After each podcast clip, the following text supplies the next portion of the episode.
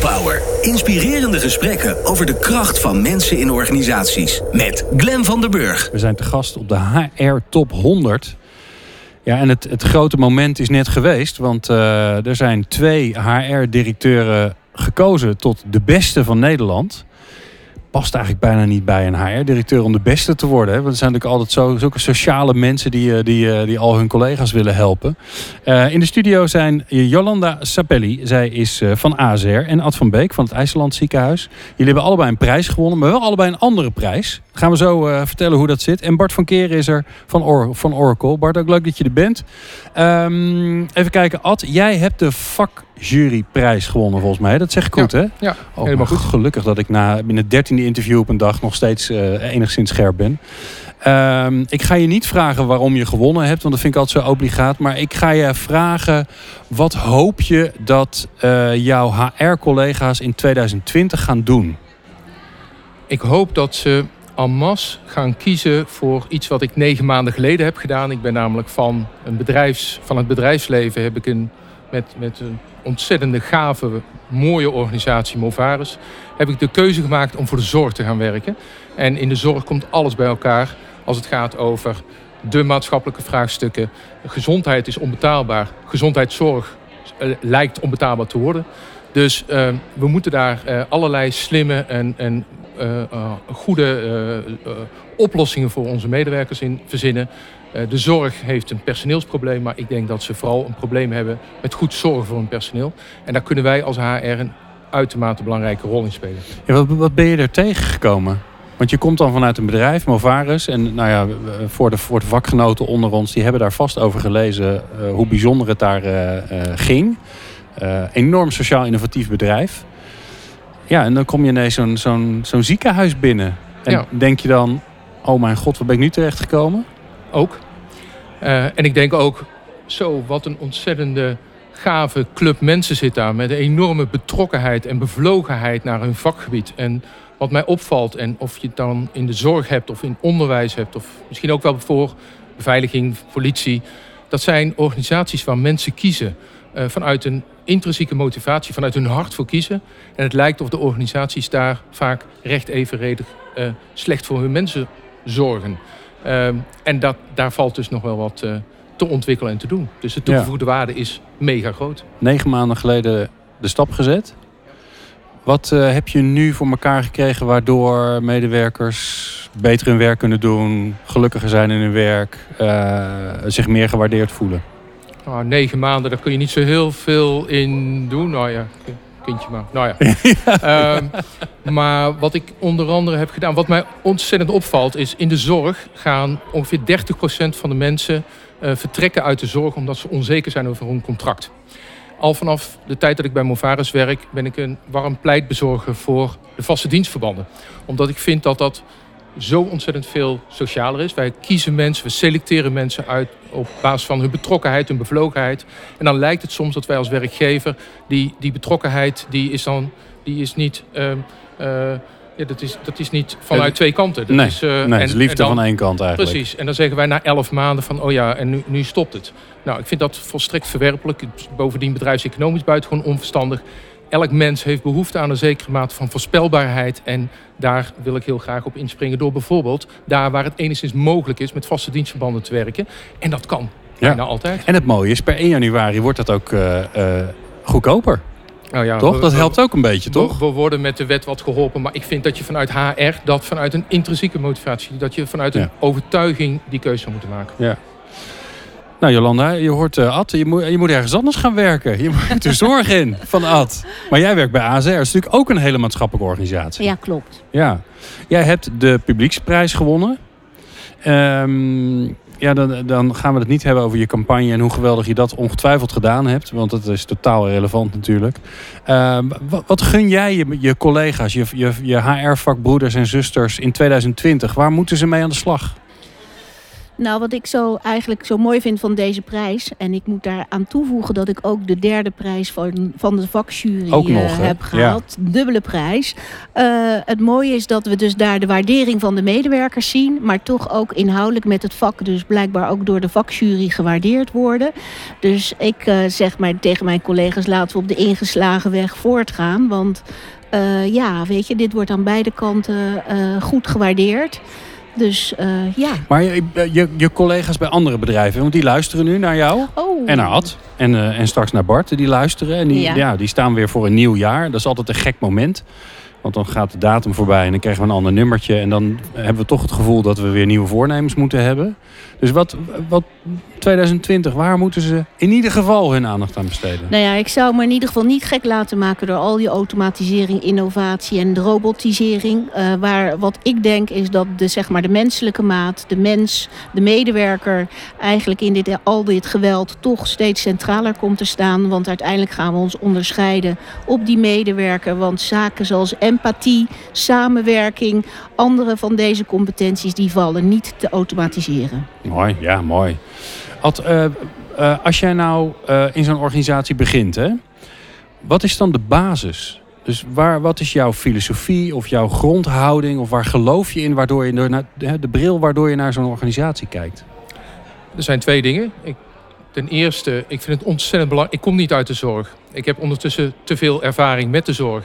Uh, maar daarmee ken je de organisatie nog niet. Dus wat ik heb gedaan is, nou, ik, heb, ik heb een aantal diensten meegedraaid. Ik heb acht diensten meegedraaid. Dan trek je een uniform aan en dan ga je, wat ik dan noem, professioneel in de weg lopen. Maar waar het natuurlijk vooral om gaat, is om het koffiemomentje met die collega's. Die dan vanuit hun passie vertellen waar hun betrokkenheid zit. Maar ook waar ze tegenaan lopen. En dan is dat vaak zo uh, eenvoudig op te lossen. Dus er valt daarin heel veel winst te maken. Dat is de ene kant. Dus het gaat vooral over heel goed luisteren.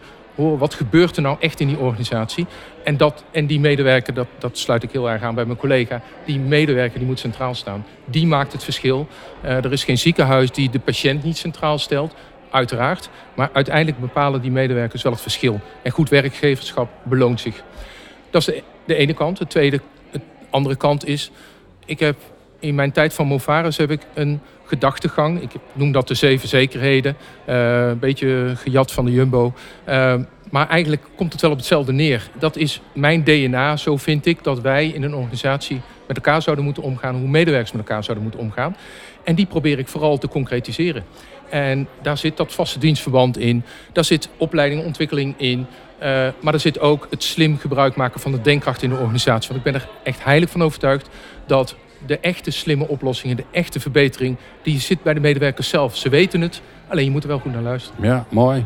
Hoe is dat bij jou, uh, uh, Jolanda? Uh, heb jij ook een soort van basis, een fundament waar je, ja, waar je, waar je eigenlijk al je ideeën, al, al je ervaringen aan toetst? Dingen waar je in gelooft? Jazeker, wij hebben zeg maar, het verhaal van ASR. En dat is het verhaal waar zeg maar, de strategie van ASR in wordt weergegeven. Dat gaat over helpen door te doen. Dat gaat over maatschappelijke rol in de maatschappij. Dat betekent geen verspilling. Allemaal elementen die daarin terugkomen. En het mooie is van het verhaal van de ASR. Daar, heb ik, daar kan ik alle elementen in vinden uh, waar ik mijn HR-beleid aan kan toetsen. En dat heeft ook geleid tot een bedrijfseigen CAO. En allemaal zaken die hier, uh, ja, hier aanraken. Oké. En, en is er nou een, tenminste dat merk ik altijd, is er nou een, uh, een, een theorie of een onderzoek of een, of een filosofie over mensen waar jij, ja, waar jij op stuurt? Iets waar je, waar je zo in gelooft dat je zegt, nou weet je, dat nou, ik denk, zit eigenlijk in alles. Nou ja, wat ik eigenlijk denk is dat je de ander moet behandelen zoals je zelf graag behandeld zou willen worden. En als je die filosofie aanhoudt en dicht bij jezelf blijft, ik denk dat je dan een heel eind komt. Oké, okay, mooi. Ad, je zat enorm, uh, enorm te knikken net. Ja, het gras wordt een beetje voor de voeten weggepaaid. dus die zou ik ook genoemd hebben. En dat is, daar wil ik nog wel wat aan toevoegen. Dat je het ontzettend helpt als je ervan uitgaat dat een ander ook het beste met jou of de organisatie voor heeft. En dat als daar al een conflict is, dat er veel meer is wat ons verbindt dan wat ons scheidt. Uh, alleen mensen zijn vaak wat onhandig in hun uitdrukking. Maar gemiddeld genomen willen mensen er echt wel wat van maken. En daar kun je dus ook prima uh, vanuit dat kan een prima uitgangspunt zijn. Ja. Bart, je bent nou zo'n tijdje aan het luisteren naar deze twee winnaars. Hè? Dat is al een beetje, ook een beetje humbling om in, in de buurt te zijn. Maar jij loopt bij heel veel organisaties rond. Als jij nou naar 2020 kijkt, wat, wat zie jij dan wat, dat er aan het gebeuren is in die HR-wereld waarvan je zegt van ja, weet je, daar, daar, die kant gaat het op? Ja, ik denk inderdaad wat we heel veel zien is uh, wat we hier vandaag horen. Dus die, die menselijke factor, die medewerkers centraal stellen, die mens centraal zetten. Uh, werk een stuk, we herhalen het heel dikwijls, maar menselijk maken. Uh, maar ook de relaties die je bouwt of die je hebt met die medewerkers, superbelangrijk. Een heel christelijke gedachte, behandel een ander zoals je zelf wil behandeld worden. Maar ook in een werkomgeving is dit, is echt het, het geval. Wat we zowel hier vandaag zien, heel veel gedreven mensen die ermee bezig zijn. Uh, jullie heel specifiek hebben daar dan een uh, fantastische uh, waardering voor gekregen, maar we zien hier heel veel mensen die daar vandaag ook dagdagelijks mee bezig zijn. Wat wij zien in, in ja, vandaag en de komende jaren is toch wel die aandacht daarvoor. Je verwijst naar welk onderzoek is er. Wel, de onderzoeken zijn er. De mens is belangrijk. innovatie komt van mensen de wereld wordt er niet eenvoudiger op, maar complexer. Dus die aandacht voor die mens uh, is zeer belangrijk en zal belangrijk blijven. En dat zien we ook naar 2020 en alle andere jaren die daarop volgen, dat dat meer en meer belang zal, uh, zal gaan hebben. Ja. Eh, hebben jullie nou het gevoel, en ik gooi hem gewoon maar een beetje midden op tafel en dan gaat dan vanzelf iemand praten. Hebben jullie nou het gevoel dat het de goede kant op gaat? Want we roepen al jaren dat die mens dat die het belangrijkste is in de organisatie. En toch ja, zijn er nog zoveel verdrietige werken, verdrietigende werk, uh, mensen die werken die verdrietig zijn met hun werk. Die toch een leidinggevende hebben die waar ze niet zo blij mee zijn. Of die niet, niet echt doen waar ze lol in hebben. Of die heel veel dingen moeten doen die ze stom vinden. Maar gaan we de goede kant op? Of is dat mijn eigen, want ik heb het gevoel van wel, maar dat kan ook mijn eigen tunnelvisie zijn. Dus ik ben wel benieuwd hoe jullie ernaar kijken.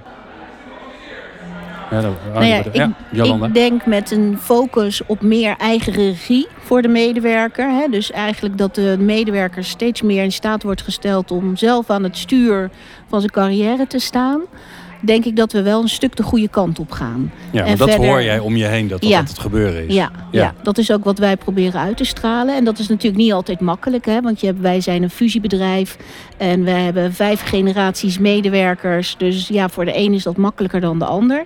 Maar als je daarbij als, als vertrouwen als uitgangspunt probeert te hanteren, dan kom je denk ik wel een eind in de goede richting. En waar zie je dat dan in terug bij jullie? Hè? Dat vertrouwen dat uitgangspunt is, hè? In, in hoe mensen zich ontwikkelen. Ja, wij laten dat eigenlijk in, proberen we in ieder geval in al onze diensten terug te laten komen. Dat is een van onze uit, uitgangspunten die ten grondslag ligt aan alle diensten en producten die we leveren. Dat is ook een van de uitgangspunten van onze CAO. En uh, daarbij het goede gesprek met elkaar voeren. Uh, ja, dan, dan, ja, dan kun je dat, kom je in ieder geval een heel eind. En... Maar laten we het eens concreet maken. Ik wil mezelf ontwikkelen. Heb ik enorm veel zin in. En dan? Wat ga, wat, wat ga ik doen? Bij wie ga ik bellen? Moet ik bij mijn, bij mijn baas aankloppen? Hoe gaat dat in zijn werk? Nou, dat kan op meerdere, bij ons kan dat op meerdere vlakken. Je, je kunt terecht bij je leidinggevende, want elke leidinggevende heeft bij ons een functiegerelateerd opleidingsbudget. Maar je kunt ook bij ons als HR terecht. En daar kun je eigenlijk uh, verzoeken indienen die voor opleidingen die leiden tot het vergroten van je arbeidsmarktwaarde. Dus dat hoeft niks te maken te hebben met je huidige functie.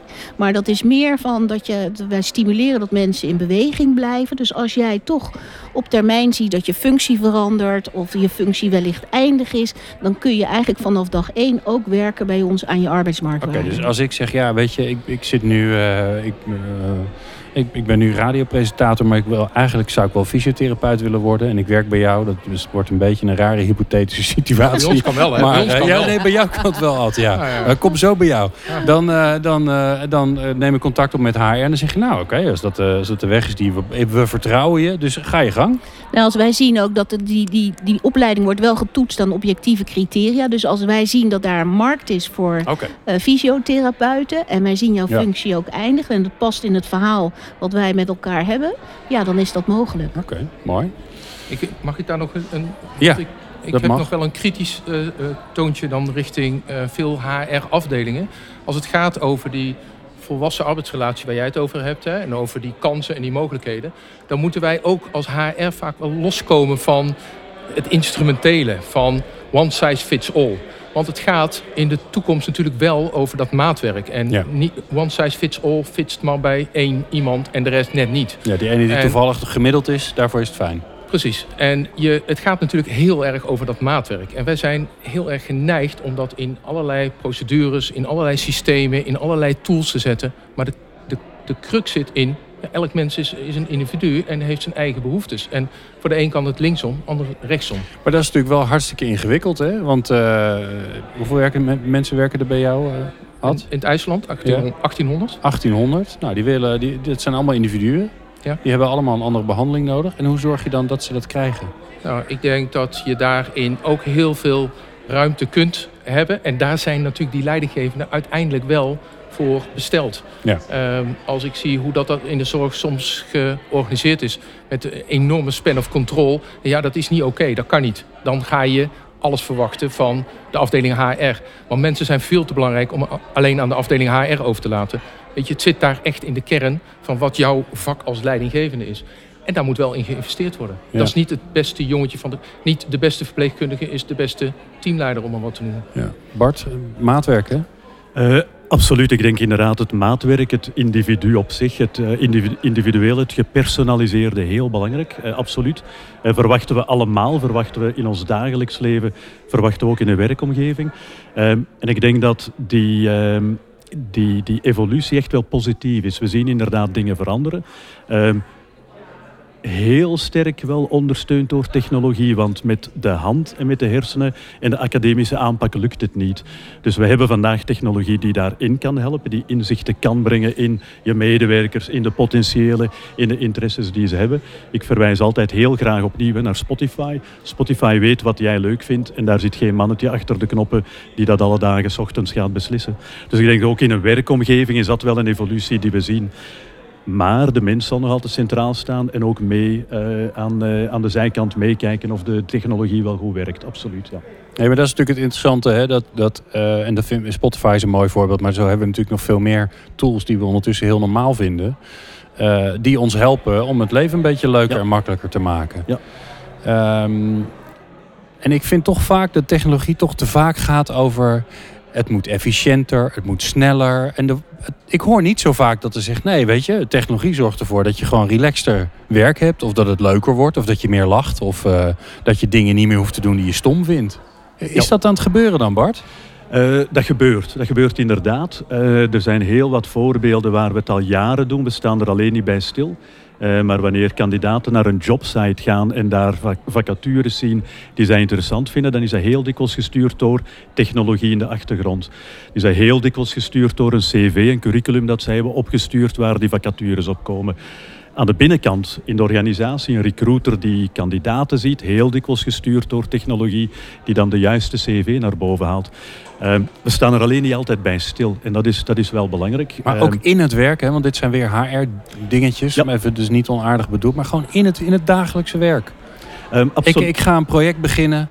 Ik heb de juiste mensen nodig, de juiste teamsamenstelling. Ja, ik bel maar de mensen die ik ken, want ja, die is goed en die is leuk. En daar heb ik eerder mee gewerkt. En eh, nou, de- dat kan toch slimmer, zou je Ja, zeggen? absoluut.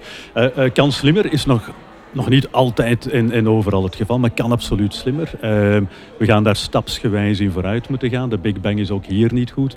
Maar dat zijn dingen die vandaag eh, zeker al gebeuren. Ik, ik heb een project, welke mensen zijn het meest geschikt? Niet alleen op basis van beschikbaarheid, want dat kan je via een Excel doen, maar op basis van zelfs interesse van het individu en het team en zo verder. Eh, ook andere voorbeelden. Eh, iemand van PostNL die de pakjes rondbrengt, die doet dat vandaag niet meer random, maar die doet dat uitgestippeld op een manier die voor hem misschien aangenamer is. De werkdruk in dat geval kan misschien wel wat hoger liggen, maar het gaat misschien wel op een slimmere manier gebeuren.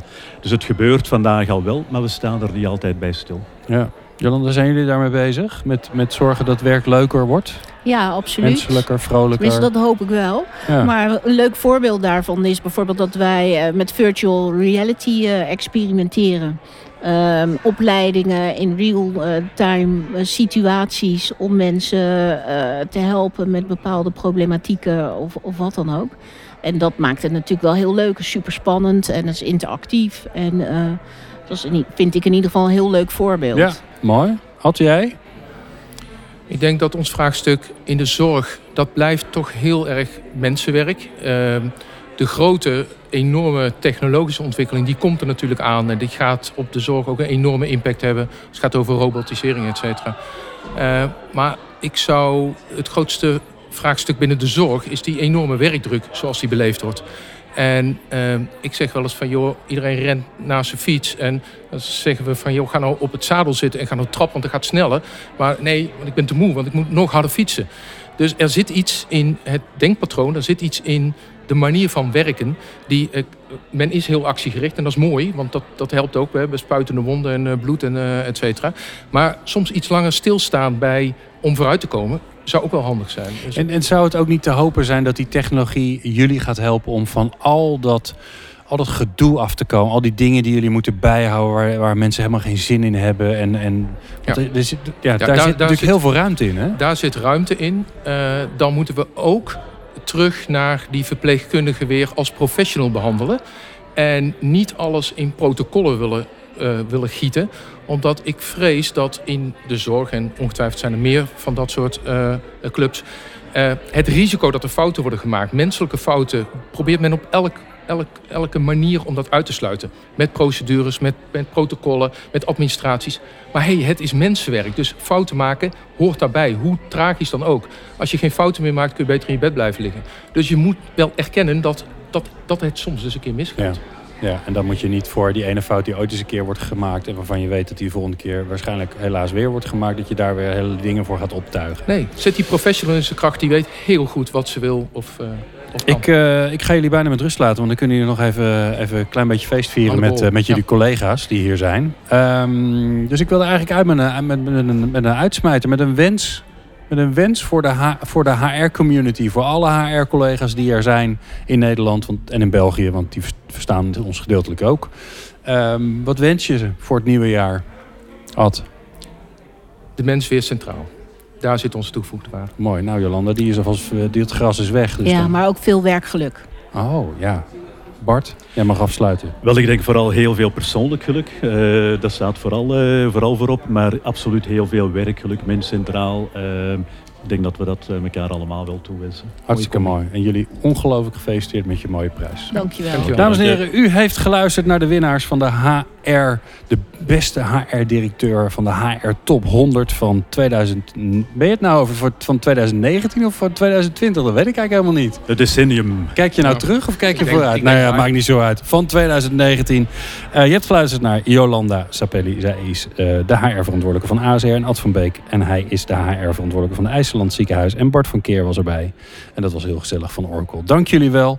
En wat ik natuurlijk jou uh, ongelooflijk gun als HR-professional... is dat je volgend jaar heel veel gaat luisteren naar People Power. Want daar kan je toch een hoop van leren, want er komen allemaal leuke mensen langs. Ik uh, heb het met veel plezier gedaan hier bij de HR Top 100. En ik uh, ja, hopelijk tot volgend jaar. Doei. Meepraten of meer programma's? people-power.nl